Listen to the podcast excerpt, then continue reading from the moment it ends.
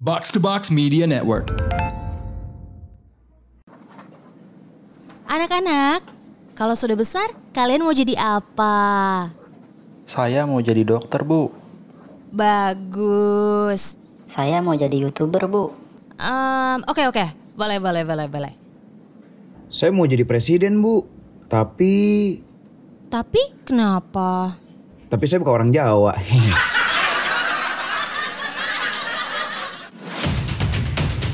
Jadi gini Cak Nun, saya masih penasaran. Kenapa presiden kita itu rata-rata orang Jawa? Saya rasa presiden 2024 kok feeling saya tetap orang Jawa.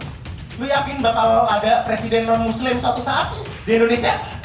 Ya kenapa tidak? Kalau rakyat menghendak, menghendaki, ini demokrasi. Kalau rakyat menghendaki, kenapa tidak? Dicoba saja, rakyat menghendaki atau tidak. Jadi, kenapa presiden kita selalu orang Jawa? Kenapa kamu tanya begitu? Eh? Kenapa? Kenapa? Sama kamu tanya begitu? Di Amerika Serikat, ada istilah WASP, White, Anglo-Saxon, Protestant. Istilah itu menandakan adanya kelompok mayoritas elit yang mendominasi berbagai hal, termasuk daftar kepala negara. Dominasi tersebut baru kerasa patah waktu Barack Obama terpilih menjadi presiden kulit hitam pertama, yang artinya butuh lebih dari 200 tahun. Indonesia usianya mungkin belum setua itu. Tapi apakah kita punya kecenderungan buat milih pemimpin tergantung dengan identitasnya? Hmm, mungkin iya. Kapan ada presiden dari luar Jawa atau presiden perempuan lagi? Apakah akan ada presiden non-muslim suatu saat nanti? Entahlah. Apa itu berarti kita nggak demokratis? Kayaknya nggak juga.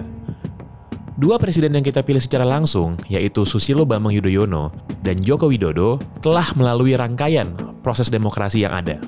Itu sah. Tapi, justru karena kita masih berada dalam ruang demokrasi, pertanyaan kayak kenapa kebanyakan pemimpin Indonesia latar belakangnya seragam, yaitu laki-laki, Jawa, Muslim, seharusnya bukan jadi satu hal yang tabu, dan seharusnya selalu bisa kita pertanyakan. Episode kali ini, gue, Pangeran Syahan, belum akan membahas soal isu demokrasi, identitas, dan pemilihan umum secara mendalam. Lampu sorot akan gue arahkan kepada dia yang jadi anomali. Mungkin dia bukan kepala negara, tapi figur ini tetap penting. Seorang pejuang yang pernah ambil bagian dan sempat memimpin Republik Indonesia sebagai kepala pemerintahan. Selamat datang di Podcast Sejarah, episode Amir Syarifuddin, bagian pertama, Perjuangan dan Kemerdekaan.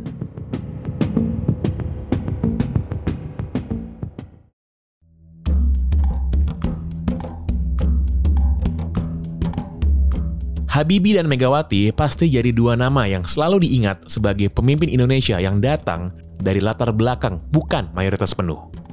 Megawati seorang perempuan, dan Habibie berasal dari Parepare, Sulawesi Selatan. Jauh sebelumnya, ada nama lain yang pernah menduduki jabatan tinggi di Republik ini. Namanya kerap dilupakan dan tidak banyak dibahas dalam buku pelajaran sejarah di sekolah. Dia adalah Amir Syarifuddin Harahap, seorang anak Batak, politisi sayap kiri, dan pemeluk Kristen yang taat. Keimanan dan pandangan politiknya turut berbaur dan jadi api semangat perjuangan. Amir nantinya menjadi Perdana Menteri kedua dari Republik ini. Saat memimpin kabinet, dia merangkap jabatan Menteri Pertahanan. Sebelumnya, tokoh kita ini juga pernah menjadi Menteri Penerangan pertama Indonesia. Bagaimana Amir Syarifuddin bisa menduduki pos yang cukup penting itu? Sebelum membahasnya, gue akan bedah dulu latar belakang sosoknya.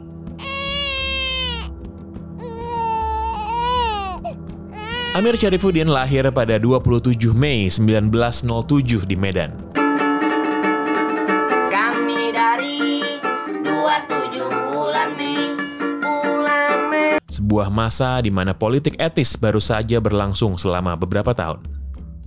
Pada periode ini, kaum bumi putra mendapatkan kesempatan untuk bersekolah walaupun aksesnya masih terbatas. Kalangan elit yang lebih banyak menikmatinya. Nah, Amir sendiri berasal dari kalangan elit itu. Latar belakang keluarganya cukup punya privilege. Lihat aja dari garis ayah atau ibunya. Kakeknya dari garis ayah, Efraim Harahap, atau Sultan Gunung Tua merupakan seorang pemuka adat yang berprofesi sebagai juru tulis yang kelak jadi seorang jaksa. Begitu pula ayahnya, Yamin Harahap yang juga berprofesi sebagai jaksa. Ibunya sendiri, Basunu Siregar, berasal dari keluarga terpandang di kalangan Melayu Islam. Amir pun mampu mengenyam sekolah dasar ELS di sekitar tempat tinggalnya. Setelah itu, dia melanjutkan pendidikan menengahnya ke Belanda. Sekilas profilnya terdengar kayak anak orang kaya, dan emang jelas Amir orang yang cukup berada, apalagi di zaman itu. Bisa sekolah ke luar negeri, biaya sendiri, tanpa LPDP. Padahal, pada zaman itu yang bisa baca tulis aja masih sedikit. Walaupun termasuk golongan kelas atas, orang seperti Amir ini tetap punya kesadaran untuk mendorong adanya perubahan sosial. Sebenarnya sih, di satu sisi nggak mengherankan, ada banyak tokoh pejuang lain yang berasal dari kalangan privilege tinggi, misalnya Hatta, Syahrir, sampai Tan Malaka. Tapi di sisi lain, pada zaman itu, sebenarnya banyak kalangan elit yang lebih milih berada di zona nyaman, kayak misalnya jadi pegawai atau birokrat pemerintah kolonial.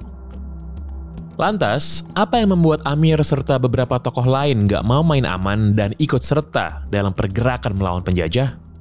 Kami bertanya kepada salah seorang peneliti sejarah, yaitu Patrick Matanasi. Katanya, ini sangat dimungkinkan, dimungkinkan adanya pergaulan ya. Tergantung mereka bergaul dengan siapa, dan intensitas pergaulan itu kemudian mempengaruhi uh, sikap politik mereka. Jadi intinya, kalau kita hidup di zaman itu, dengan siapa bergaul itu akan mempengaruhi kita. Dan dalam hal ini, uh, Amir Syarifuddin awalnya aja sudah bergaul dengan orang ter terpelajar seperti sepupunya Sultan Gunung Mulia ya. Amir pergi menyusul sepupunya, Todung Sultan Gunung Mulia yang lebih dulu hijrah ke Belanda. Selama setahun Amir sekolah di Gymnasium Haarlem. Setelah itu, dia pindah ke Gymnasium Leiden. Nggak lama emang, tapi di Belanda, Amir bergaul dengan beberapa orang yang cukup berpengaruh dalam hidupnya. Di Leiden misalnya, Amir tinggal serumah dengan Ferdinand Tampubolon, seorang pelajar yang mewariskan sebuah Injil yang penuh berisi catatan dan coret-coretan. Selain itu, Amir juga berkenalan dengan seorang tokoh pergerakan yang sudah sering jadi bahan pembicaraan. Dia adalah Semaun, yang tengah menjalani masa pembuangannya. Semaun merupakan ex pemimpin Sarekat Islam Semarang dan juga Ketua Partai Komunis Indonesia pertama. Pada masa pembuangan itu, Semaun beberapa kali mengisi ceramah terutama soal Marxisme-Leninisme buat organisasi Perhimpunan Indonesia. Salah satu yang datang menyimak adalah Amir Syarifuddin. Kelak Amir akan menemukan sintesis antara ajaran Injil dan perjuangan bebas dari belenggu penjajahan.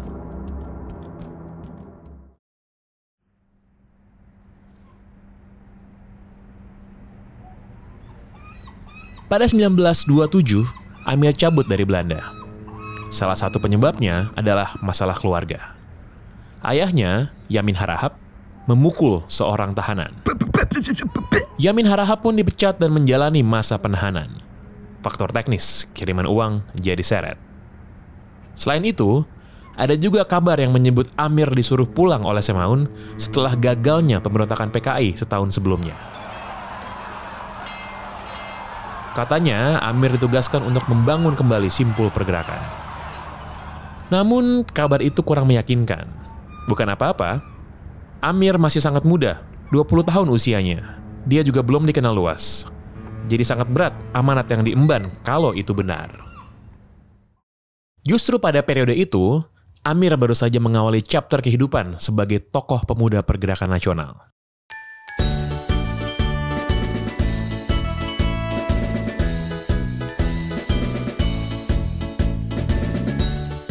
Amir nggak kembali ke rumah orang tuanya. Dia pergi ke Batavia dan mendaftar di sekolah tinggi hukum yang ah, namanya nggak bisa gue eja karena pakai bahasa Belanda. Circle-nya Amir jadi tambah luas. Dia ketemu sama para pemuda yang lagi sekolah di Batavia. Umumnya, mereka banyak yang tinggal di gedung keramat nomor 106 milik Shikok Liong. Kelompok itu menamakan diri sebagai Indonesisch Club Gebouw atau ISE. Kayak kontrakan mahasiswa biasa lah, Amir gabung dan ikut patungan buat tinggal di sana. Di gedung yang kini jadi Museum Sumpah Pemuda itu, dulunya sering terjadi perdebatan intelektual. Nalar para penghuninya turut terasah di sini. Kalau ada debat nih, udah pasti rame. Yang nonton bahkan sampai meluber keluar. Terus, saking sengitnya, debat sering berlanjut berhari-hari. Mereka ikutan juga pada niat banget, sampai nyari referensi ke perpustakaan dan museum terdekat. Begitulah suasana Fafifu Was-Was zaman dulu, ketika belum ada Twitter. Nggak bisa ngasal ngasih opini jelek. Yang ada, bisa dirujak di tempat.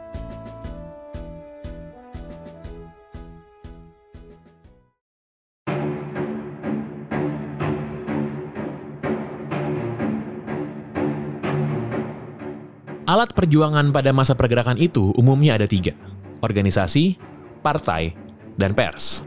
Di mana posisi Amir? Ketiganya. Sambil menyelesaikan studi hukum, Amir aktif dalam organisasi. Dia terlibat dalam Perkumpulan Pelajar-Pelajar Indonesia atau PPPI. Amir juga gabung dalam Yong Sumatranan Bon dan Yong Batak yang membidani Kongres Pemuda II. Saat itu, Kongres berlangsung di Gedung Keramat 106, tempat tinggalnya Amir. Dalam acara tersebut, Amir juga kebagian peran sebagai bendahara. Selain terlibat dalam organisasi, masa-masa itu Amir makin dekat dengan ajaran Kristen. Dia bergabung dan belajar di organisasi CSV of Java. Di sana, Amir nggak cuma belajar soal agama, tapi juga masalah sosial politik, filsafat, kapitalisme, dan imperialisme. Dua orang mentornya di sekolah, Shepard dan Van Dorn, jadi sosok yang berpengaruh. Mereka nggak cuma meyakinkan Amir untuk memeluk Kristen, tapi juga menjamin bahwa tidak ada pertentangan antara agama dan perjuangan politik. Organisasi pelajar udah, kedaerahan udah, dan keagamaan juga udah. Amir pun masuk ke partai politik, yaitu Partindo atau Partai Indonesia Raya. Ini partai baru yang didirikan oleh pentolan PNI yang dibubarkan oleh pemerintah kolonial. Sebenarnya saat itu ada partai bernama PNI baru. Ini partai resmi pengganti PNI. Tapi Amir memilih Partindo karena dinilai lebih sesuai dengan pandangannya yang saat itu non-kooperatif atau nggak mau bekerja sama dengan Belanda. Sikap non-kooperatif Amir terlihat dalam dunia pers. Amir memang bukan orang yang dikenal, sering menuangkan pikiran dalam bentuk tulisan. Nggak banyak artikel yang dia tulis, tapi sekalinya nulis, pemerintah Hindia Belanda langsung naik pitam. Artikel itu berjudul The Vira Flamchelieu, terbit di majalah Indonesia Raya, sebuah publikasi dari PPPI. Amir bercerita soal perlawanan kaum Fleming di Belgia terhadap Raja Belanda. Abu Hanifah, kawan sekontrakan Amir yang jadi pemimpin redaksi majalah itu, dimintai keterangan oleh Intel Belanda atau PID Padahal saat itu Amir menggunakan nama samaran. Tapi ya namanya Intel, mereka tetap sanggup melacak Amir. Beruntung Shepard sebagai guru dan petinggi sekolahnya datang membebaskan Amir. Keluar masuk penjara kelak jadi hal biasa dalam hidupnya. Fast forward tiga tahun setelahnya, ada majalah Banteng terbitan Partindo Jakarta yang dipimpin Amir. Terbit sebuah tulisan anonim berjudul Masa Aksi yang sebenarnya ditulis sama Muhammad Yamin. Tapi Amir anaknya nggak cepu. Dia memilih merahasiakannya. Konsekuensinya, Amir masuk penjara selama 18 bulan. Sempat ada wacana Amir akan diasingkan, tapi nggak jadi. Amir hanya diberikan peringatan jika dia mengulangi aktivitas politiknya, maka ia akan dibuang. Apakah ancaman itu bikin dia gentar? Sedikitnya tidak. Amir masih aktif berpolitik, dia gabung Gerindo, partai barunya setelah Partindo, partai lamanya, dibubarin. Amir kemudian bersama MH Tamrin dan tokoh lain menginisiasi sebuah koalisi bernama GAPI atau Gabungan Politik Indonesia yang terdiri dari Gerindo, PSII atau Partai Syarikat Islam Indonesia, Parindra, bukan saya ya, Partai Indonesia Raya, dan unsur-unsur lainnya. Nah, waktu dalam koalisi GAPI itulah Amir kembali ditahan. Kali ini, berseliweran buletin komunis yang dianggap menghasut publik. Amir jadi tertuduh. Dia sempat ditahan selama tujuh hari, tapi segera dibebaskan karena tidak ada bukti. Gurunya, Shaper, lagi-lagi kembali mengunjungi Amir. Kali ini kayaknya si guru ini udah capek nih sama kelakuan muridnya. Dia merekomendasikan Amir untuk kerja di Jawatan Perdagangan Luar Negeri Hindia Belanda. Saat itu Amir menerima tawaran. Dia berbalik bekerja sama dengan Belanda. Loh, kok bisa? Bekerja sama dengan musuh ala Amir ini ya menurut saya bukan sebuah metode baru ya. Oke, mungkin aneh ya karena dia dari golongan yang non kooperatif begitu. Ini kalau dia golongan kooperatif, no problem sebenarnya. Nah, tapi Amir uh, menempuh jalan itu gitu ya. Mungkin kadang kan kita ketika kita melawan sesuatu kan kita butuh rasa aman dan kita uh, bisa mewujudkannya dengan cara ya yang seperti Amir lakukan itu daripada kita ditekan terus ya udahlah uh, kita kerjasama dulu apalagi ada musuh musuh lain begitu ya. ya dalam hal ini musuhnya fasisme. Fasisme yang dimaksud di sini adalah Jepang. Bagi kelompok kiri seperti Amir, ancaman fasisme ini mengkhawatirkan. Amir pun membaca situasi dan akhirnya memilih taktik untuk bekerja sama dengan Belanda. Kerjasama yang kontroversial itu di antaranya adalah menerima uang sebesar 25.000 gulden dari Charles van der Plas. Uang tersebut digunakan buat menyiapkan gerakan bawah tanah dari Jakarta sampai Surabaya. Amir merekrut pemuda setempat untuk memantau kegiatan Nippon. Tidak lupa, mereka juga terus mengupdate berita Perang Dunia II lewat radio ilegal.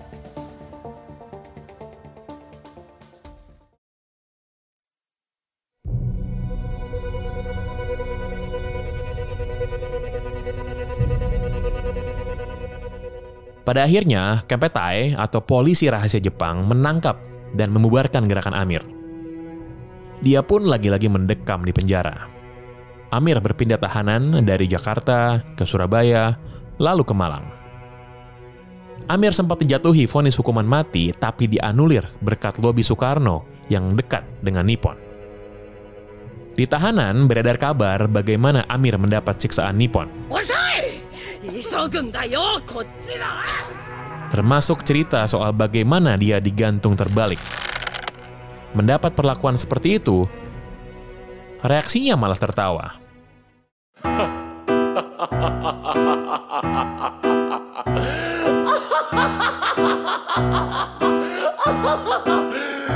Tapi cerita ini cukup diragukan. Apakah benar terjadi atau tidak? Uh, yang aku pernah baca itu ya, yang pastinya kalau sudah tertangkap Jepang pasti ada siksaan kan. Jadi Amir itu kalau digambarkan si Barani itu sampai badannya kurus begitu ya. Uh, si Barani yang saya maksud ini adalah itu ya, uh, Agustin Sibarani yang yang untuk uh, jago karikatur itu, ya Amir mengalami siksaan oleh Jepang. Kalau dia sampai digantung terbalik dan lain-lain, dipukuli, tapi dia masih tegar gitu ya. Nah saya belum dapat ceritanya sampai ke situ sih. Meski begitu, cerita Amir selama ditahan Jepang menambah kesan positif terhadapnya. Kelak, para pemuda menuntut Soekarno untuk menunjuk Amir masuk ke dalam kabinet. Padahal saat itu Amir masih berada dalam tahanan. Ya, Amir bahkan tak sempat menyaksikan proklamasi kemerdekaan pada 17 Agustus. Sebenarnya, sebelum masuk penjara Jepang, nama Amir sudah harum di kalangan pemuda. Amir dinilai lihai dalam berorasi dan punya kemampuan menyatukan gerakan kemerdekaan yang tadinya terfragmentasi atau terpecah-pecah ke dalam koalisi GAPI. Belum lagi, Amir dikenal sebagai anti-Jepang. Ini dapat menegaskan bahwa kemerdekaan Indonesia bukanlah hadiah dari Nippon. Amir ditunjuk jadi Menteri Penerangan meski dirinya masih merasakan gelapnya penjara. Baru pada 2 Oktober 1945, Amir menghirup udara bebas dan melangkahkan kaki di republik baru yang telah lama dia impikan itu.